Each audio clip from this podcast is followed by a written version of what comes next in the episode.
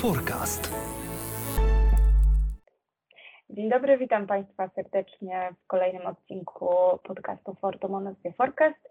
Ja nazywam się Aleksandra Konecka i moim dzisiejszym gościem jest Józef Augustynów, który w Fortum odpowiada za rozwój produktów cyfrowych dla klientów biznesowych. E, co to oznacza?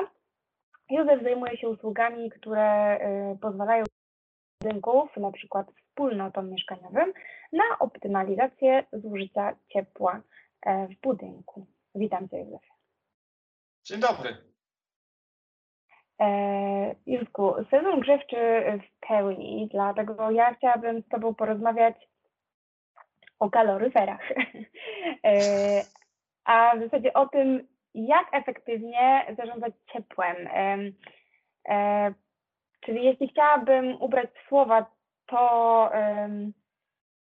e, jeżeli chciałabym ubrać w słowie słowa to, czym się specjalizuję, czyli chciałabym porozmawiać z Tobą o energii, cieple jako usłudze. E, mhm. Czy możesz mi powiedzieć trochę, na czym polega Twoja praca w Fortum? Jasne. E, więc tak, energia jako usługa no, brzmi trochę tajemniczo, ale w sumie to nie jest takie skomplikowane. E, moim głównym zadaniem jest tak naprawdę rozwiązywanie problemów naszych klientów tak? czyli klientów, którzy korzystają z usług, e, z, z usług Fortum, z energii cieplnej, którą my dostarczamy jako firma.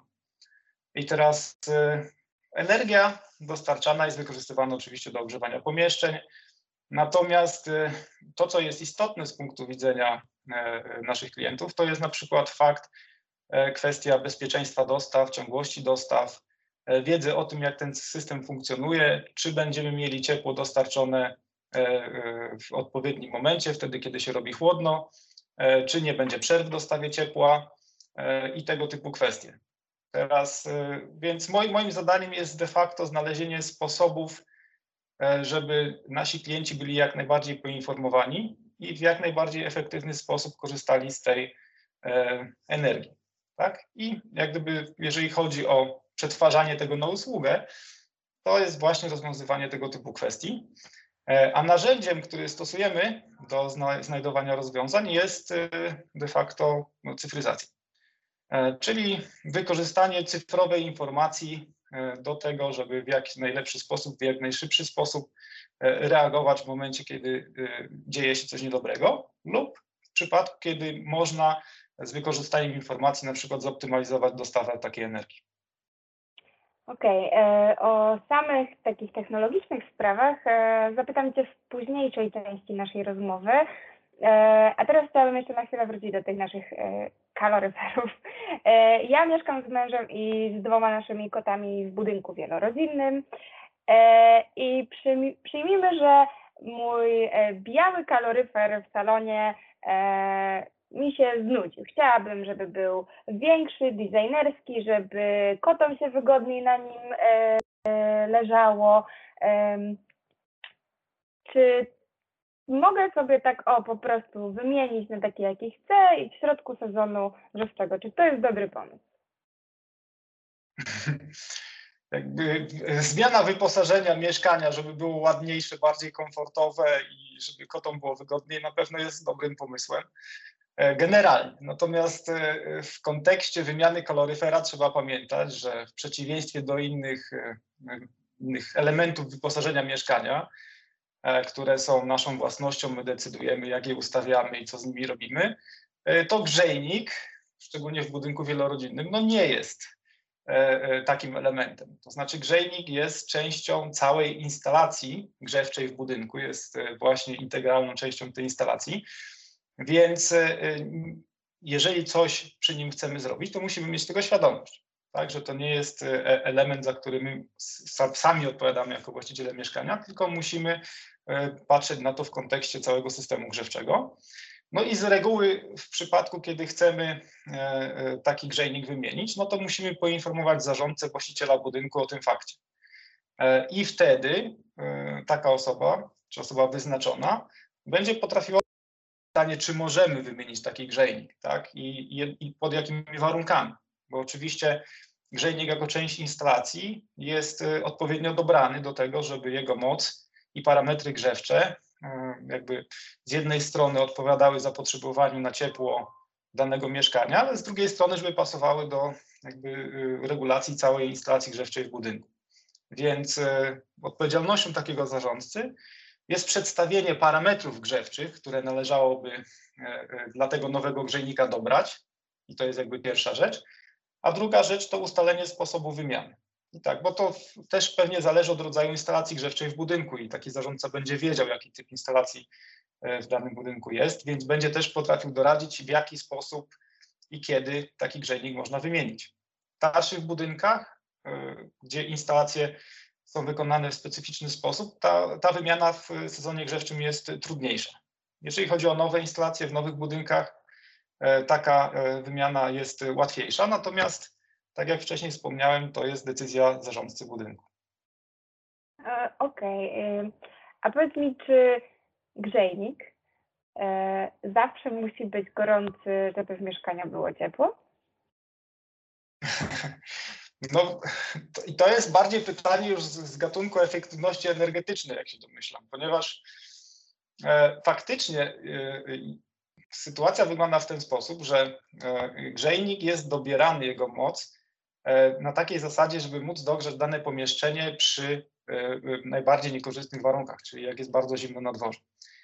Jeżeli mamy e, temperatury rzędu 0 stopni, minus 5, no to wiadomo, że ta moc grzejnika E, jeżeli miałby grzać e, e, w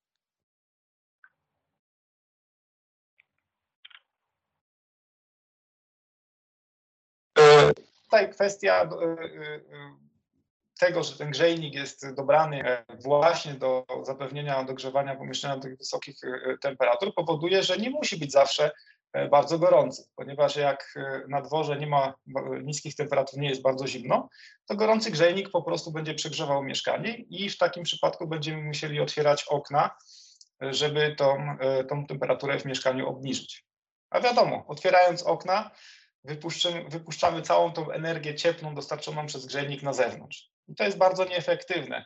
Robiąc w ten sposób, marnujemy bardzo dużo energii.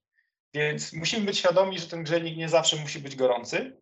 E, I wiedząc to, tak, powinniśmy bardziej e, zwracać e, uwagę na to, jaką temperaturę mamy w pomieszczeniu, czy ta temperatura nam odpowiada. I powinniśmy zwracać na to uwagę, jak chcemy tą temperaturę w tym pomieszczeniu optymalną utrzymywać. I też na przykład odpowiednio na przykład wentylować mieszkanie. Tak? Czyli nie można spodziewać się, że jeżeli otworzymy okno i będziemy trzymać e, okno przez trzy godziny bez przerwy, wychłodzimy mieszkanie, że po zamknięciu tego okna mieszkanie natychmiast się dogrzeje. Oczywiście przy bardzo gorącym grzejniku tak będzie, ale tak jak powiedziałem wcześniej, jeżeli będziemy zawsze e, trzymać taką wysoką temperaturę na tych grzejnikach, to będziemy bardzo dużo energii marnować. Więc to nie jest optymalna sytuacja.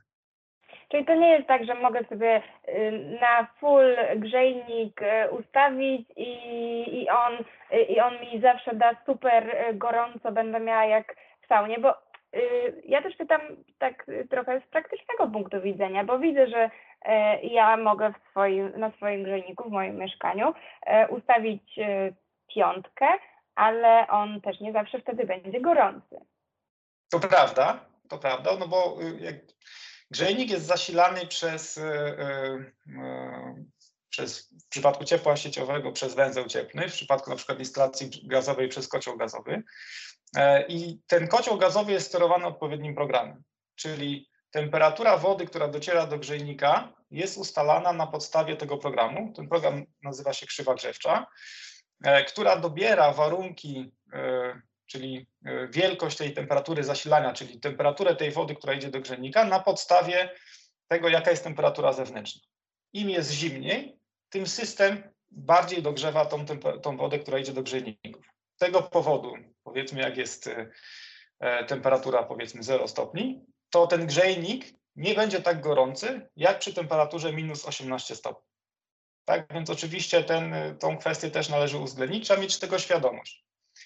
E, natomiast to, co powiedziałem wcześniej, że jest często oczekiwanie, żeby te grzejniki były jak najbardziej gorące, właśnie w takich sytuacjach, nawet jeżeli są temperatury powiedzmy 5 stopni na plusie czy 0 stopni, często jest tak, że ze względu na to oczekiwanie, mieszkańcy zgłaszają się do administratorów, żeby zmieniać tą krzywą grzewczą. W taki sposób, żeby właśnie ten grzejnik był gorący, nawet wtedy, kiedy to nie jest tak naprawdę potrzebne. Okej, e, czyli e, mniej więcej teraz wyjaśniliśmy, jak e, działa tak zwana potocznie pogodynka.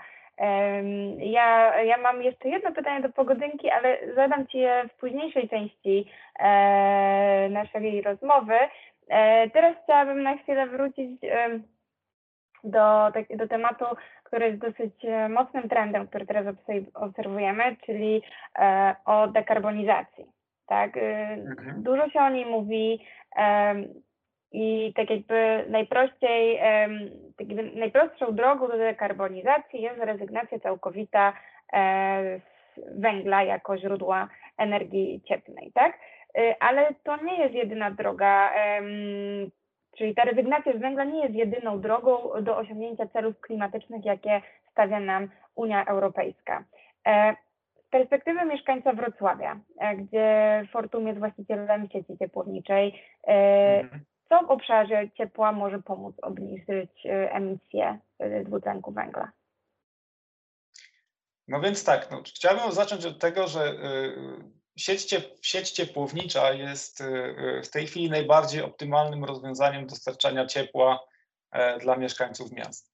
Jest najbardziej efektywnym i najbardziej ekologicznym rozwiązaniem w tej chwili dostępnym. E, Oczywiście jakby rozwój sieci ciepłowniczej przede wszystkim w pierwszej kolejności pozwala zlikwidować e, niską emisję. To jest troszeczkę inny temat niż ograniczanie e, CO2, ale też również bardzo ważny, ponieważ dzięki likwidacji niskiej emisji, jeżeli likwidujemy indywidualne kotłownie i zamieniamy je ciepłem systemowym, to zmniejszamy ilość tych substancji niekorzystnych dostających się do powietrza, tworzących smog.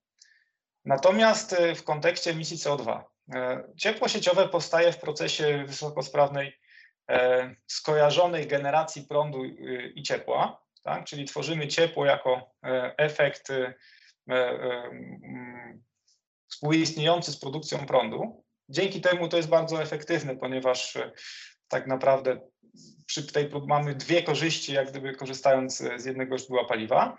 No i w przypadku Wrocławia tym paliwem niestety jest i dalej będzie węgiel, bo taką akurat y, e, elektrociepłownię we Wrocławiu posiadamy i, będziemy mieli. Ogólnie w Polsce jest e, e, taka sytuacja, że tych źródeł ciepła węglowych jest sporo i, jeszcze przez pewien czas będą i nie jest tak łatwo te, źródła ciepła zamienić. E, Natomiast sama e, elektrociepłownia już jakby jedna korzyść jest taka, że właśnie produkuje prąd e, i e, energię cieplną w tym skojarzeniu.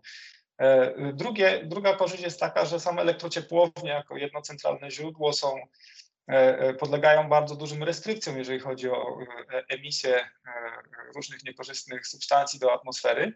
No i to produ- produkcja w tym jednym centralnym miejscu jest dużo bardziej efektywna niż produkcja z indywidualnych kotłowni. Więc to jest jakby jedna rzecz. Więc pierwsza odpowiedź jest taka, że tak, korzystajmy z cie- z ciepła sieciowego tam, e, e, gdzie to jest możliwe. A druga jest związana z tym, o czym już rozmawialiśmy w tej chwili, bo najlepszym sposobem e, de facto jakby oszczędzaniu energii, tak, co powoduje, że nie będziemy produkować dodatkowej emisji CO2, jest po prostu jej niemarnowanie. Tak? Czyli świadomość te, tego, w jaki sposób możemy korzystać z ciepła w sposób efektywny, w tej energii, której dostarczamy, i dbać po prostu o to, żeby tej, e, tej energii nie marnować, żeby po prostu jej nie wypuszczać przez okno niepotrzebnie. E, I też dbać o to, żeby e, właśnie instalacje grzewcze w budynku były dobrze skalibrowane, żeby funkcjonowały w poprawny sposób. To jest jeden z najlepszych sposobów i najbardziej efektywnych w tej chwili. E, My po, w ramach swoich projektów wdrożeniowych e, nowych usług, e, obserwując to, jakie korzyści można wygenerować właśnie przez to, że e, mamy większą świadomość, jak działa cały system i większą świadomość, jak możemy wpływać na zużycie energii, możemy zaoszczędzić nawet do 20% e, tej energii cieplnej. I to są bardzo duże wartości, tak? Więc to się bezpośrednio przykłada na redukcję emisji e, CO2 chociażby. I rozumiem, że mamy Fortum produkt, usługę, która pomaga w takim, takim e, zarządzaniu ciepłem, w, w informacji o tym, jak nasz budynek działa. Tak, y, nie jeden produkt, de facto mamy już kilka. E, e, te produkty różnią się w zależności od miejsca, w którym chcemy podejmować działanie, e, ponieważ no jeden z nich na przykład optymalizuje pracę węzła cieplnego, czyli tego źródła ciepła w budynku, ponieważ tak jak wspomniałem wcześniej o krzywej grzewczej, która jest takim programem, który, który steruje de facto temperaturą, którą podajemy na zasilanie właśnie grzejników, E, to wadą tej krzywej grzewczej jest to, że ta krzywa grzewcza po pierwsze nie ma informacji, jak e, zachowują się mieszkańcy, jakie mają preferencje i ewentualnie jakie dodatkowe źródła ciepła swoich mieszkaniach własnych generują, tak, bo każdy mieszkaniec też nawet gotując e, zmienia temperaturę w swoim mieszkaniu, więc tych informacji krzywa grzewcza nie ma. Dodatkowo krzywa grzewcza nie ma prognozy pogody, więc nie wie, co się za chwilę stanie tak? E, czyli na przykład mamy sytuację, że e, zgodnie z krzywą grzewczą ustawioną powinniśmy e, ustawić temperaturę zasilania na wysoki poziom, tak? Ale za chwilę jest powiedzmy słoneczny dzień i za chwilę będzie tutaj świecić mocno słońce, grzewać południową ścianę budynku i krzywa grzewcza o tym nie wie więc będzie e, nastawiać e, tą temperaturę na wysoki poziom, grzejniki będą bardzo gorące i nagle się okazuje, że budynek jest ogrzewany z różnych stron i się po prostu przegrzewa. Wtedy rzeczywiście nie ma wyjścia, przegrzane mieszkania, no, otwieramy okno i wypuszczamy tą nadmiarową energię, ją tracąc. To jest troszeczkę tak, jak de, de facto znając prognozę pogody wiemy, jak się ubrać. Tak? Lepiej niż jak e, tylko patrzymy, co się dzieje w danej chwili. Czyli tak, tak działa ten nasz system. Tak? Troszeczkę właśnie dzięki temu, że wiemy, co się będzie działo w przyszłości, wiemy, jaka jest prognoza, potrafimy lepiej ustawić parametry e, grzania tego centralnego systemu. I to jest jeden element. Drugi element to jest kwestia zwiększenia świadomości mieszkańców. Tak?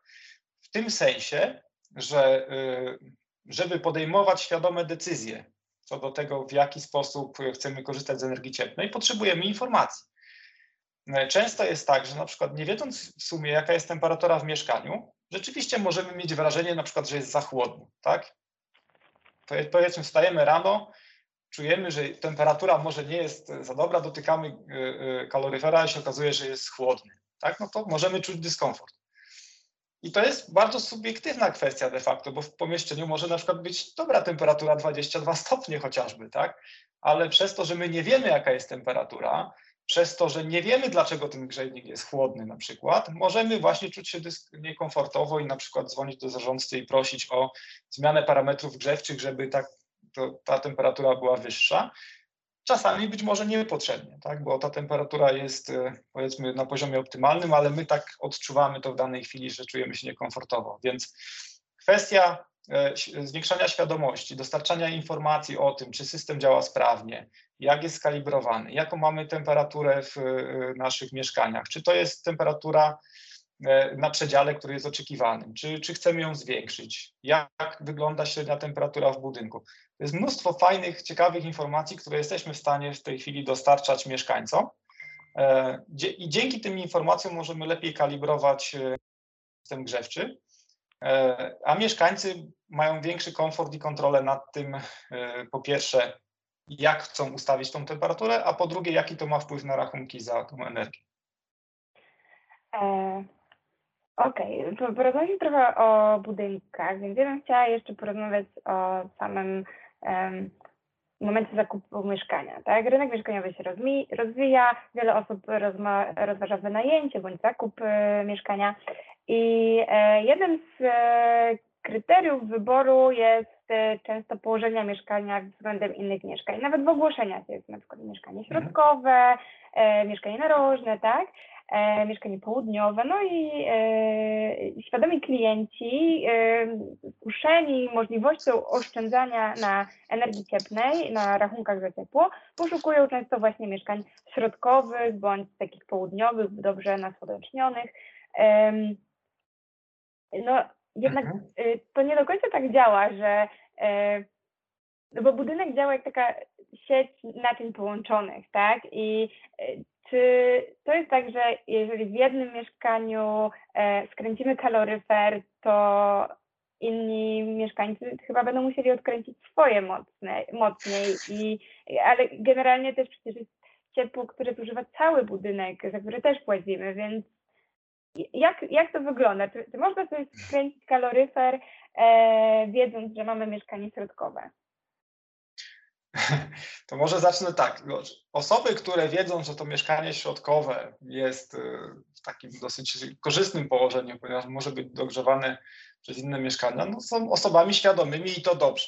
Tak, bo jakby z naszego punktu widzenia e, świadomość e, o tym, e, w jaki sposób efektywnie korzystać z energii, tutaj mówimy o energii cieplnej, jest czymś dobrym ogólnie rzecz biorąc. I zwiększanie świadomości w tym zakresie jest dobre, ponieważ e, e, osoby, które właśnie myślą o tym, e, starają się na przykład tą energię wykorzystywać w efektywny sposób, to jest rzecz dobra.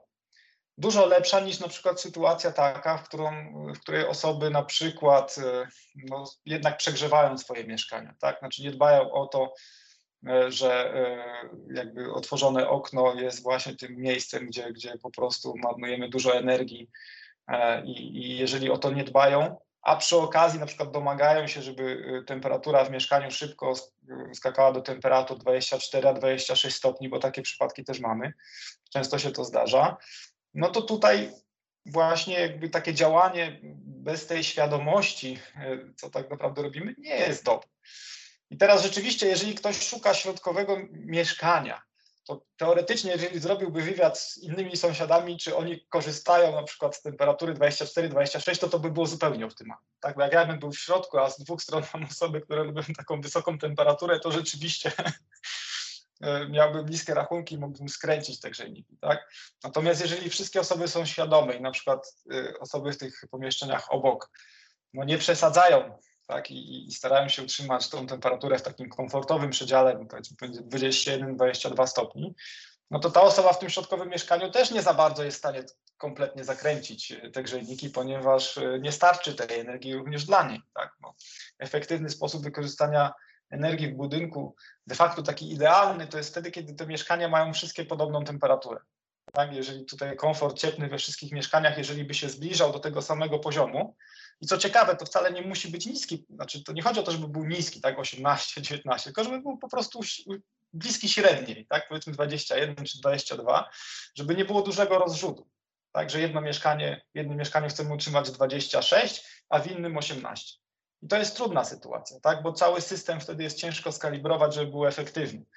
Właśnie przez to, że to są naczynia połączone i mamy jedno źródło ciepła, która które dostarcza y, powiedzmy temperaturę wody zasilającej y, y, na odpowiednim poziomie. Więc tutaj optymalizacja polega na zbliżeniu do jakby średniego komfortu cieplnego i to, to by było najlepsze. I tutaj świadomość mieszkańców jest istotna, to po pierwsze. To, o czym wspomniałem, wiedza o tym, jak to działa i jak na to wpływamy, to jest drugie.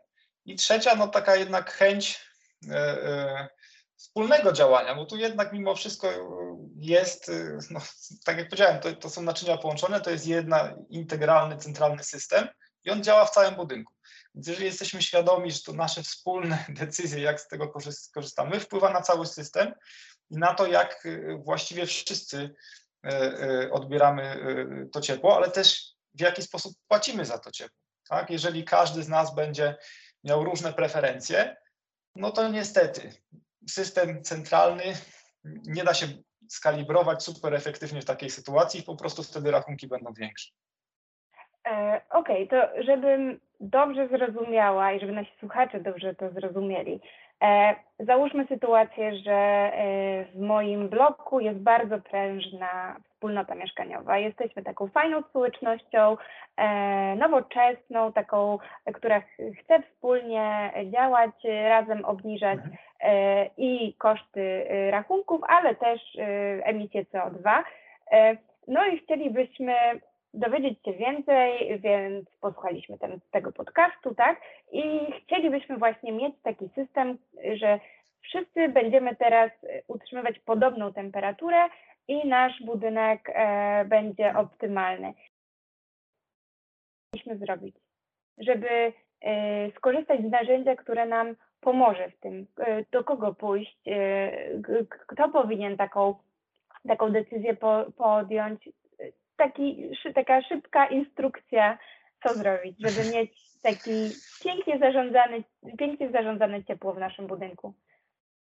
No to no tutaj to ja muszę zareklamować nasze usługi po prostu, tak? Bo, bo w takim przypadku można się zgłosić bezpośrednio do Fortum i my wtedy możemy opowiedzieć o jednej z usług, które mamy w, w naszym portfelu, e, która właśnie dzięki takiemu systemowi uczenia maszynowego, e, dzięki temu, że system zna prognozy pogody, rejestruje e, właśnie informacje o, o, klimacie wewnętrznym w pomieszczeniach, zbiera te wszystkie informacje i dopasowuje e, parametry ogrzewania budynku e, w odpowiedni sposób, tak, żeby po pierwsze z jednej strony zoptymalizować zużycie energii, a z drugiej strony dopasować ten wymagany komfort do potrzeb mieszkańców.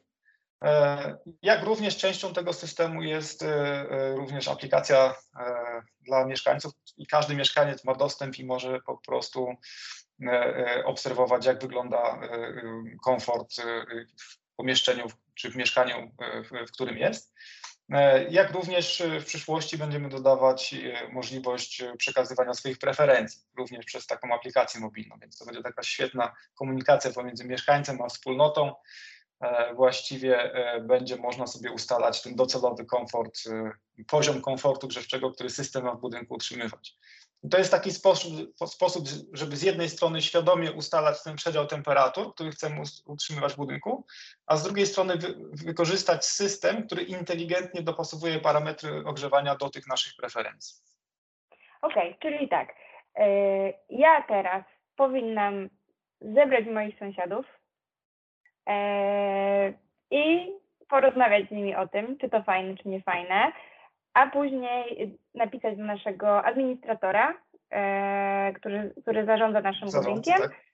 żeby on się skontaktował z Fortum i dowiedział się, jak można wdrożyć taki system, a później będziemy to sobie dopasowywać już e, przy pomocy nowoczesnych narzędzi.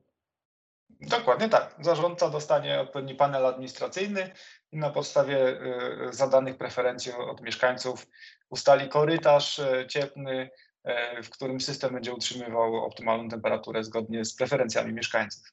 Tak. Okej, okay, no to wszystkim mieszkańcom Wrocławia, którzy chcieliby taką usługę sprawdzić u siebie, polecamy kontakt z zarządcą, tam gdzie jest sieć ciepłownicza Fortum w budynku. E, I ja jeszcze na koniec. Ja jeszcze na koniec e, chciałabym wrócić e, do naszej sobie pogodynki i po co jej jest machine learning? No właśnie po to, żeby wykorzystywać informacje, tak? Bo tu już wspomniałem wcześniej, że jest bardzo dużo parametrów, które wpływają na, tą, na funkcjonowanie tego systemu, tak? Czyli czyli preferencje mieszkańców, aktualne temperatury w budynkach. E, I te wszystkie rzeczy, te parametry spływają, one się zmieniają w czasie. Tak? To nie jest zawsze stałe, więc e, e, żeby reagować na te zmiany, no musi być system uczenia maszynowego, czyli system, który dobiera optymalne parametry pracy układu grzewczego, po prostu się uczy tak? i dostosowuje do zmieniających się parametrów i reaguje na bieżąco. To nie jest jeden stały algorytm, tylko to jest algorytm, który się adaptuje cały czas.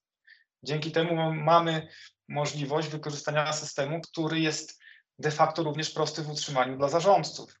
Bo to nie jest tak, że cały czas trzeba patrzeć na te wykresy i trzeba cały czas e, dostosowywać e, parametry do tego, co chcemy osiągnąć, bo my zadajemy tylko korytarz, a przez to, że jest wykorzystywany algorytm uczenia maszynowego, to system sam utrzymuje E, odpowiednie e, e, sterowanie, bazując na, na, na, tych, z jednej strony na parametrach wejściowych, a z drugiej strony na tych algorytmach uczących się, które już analizując parametry dobierają odpowiednie ustawienia.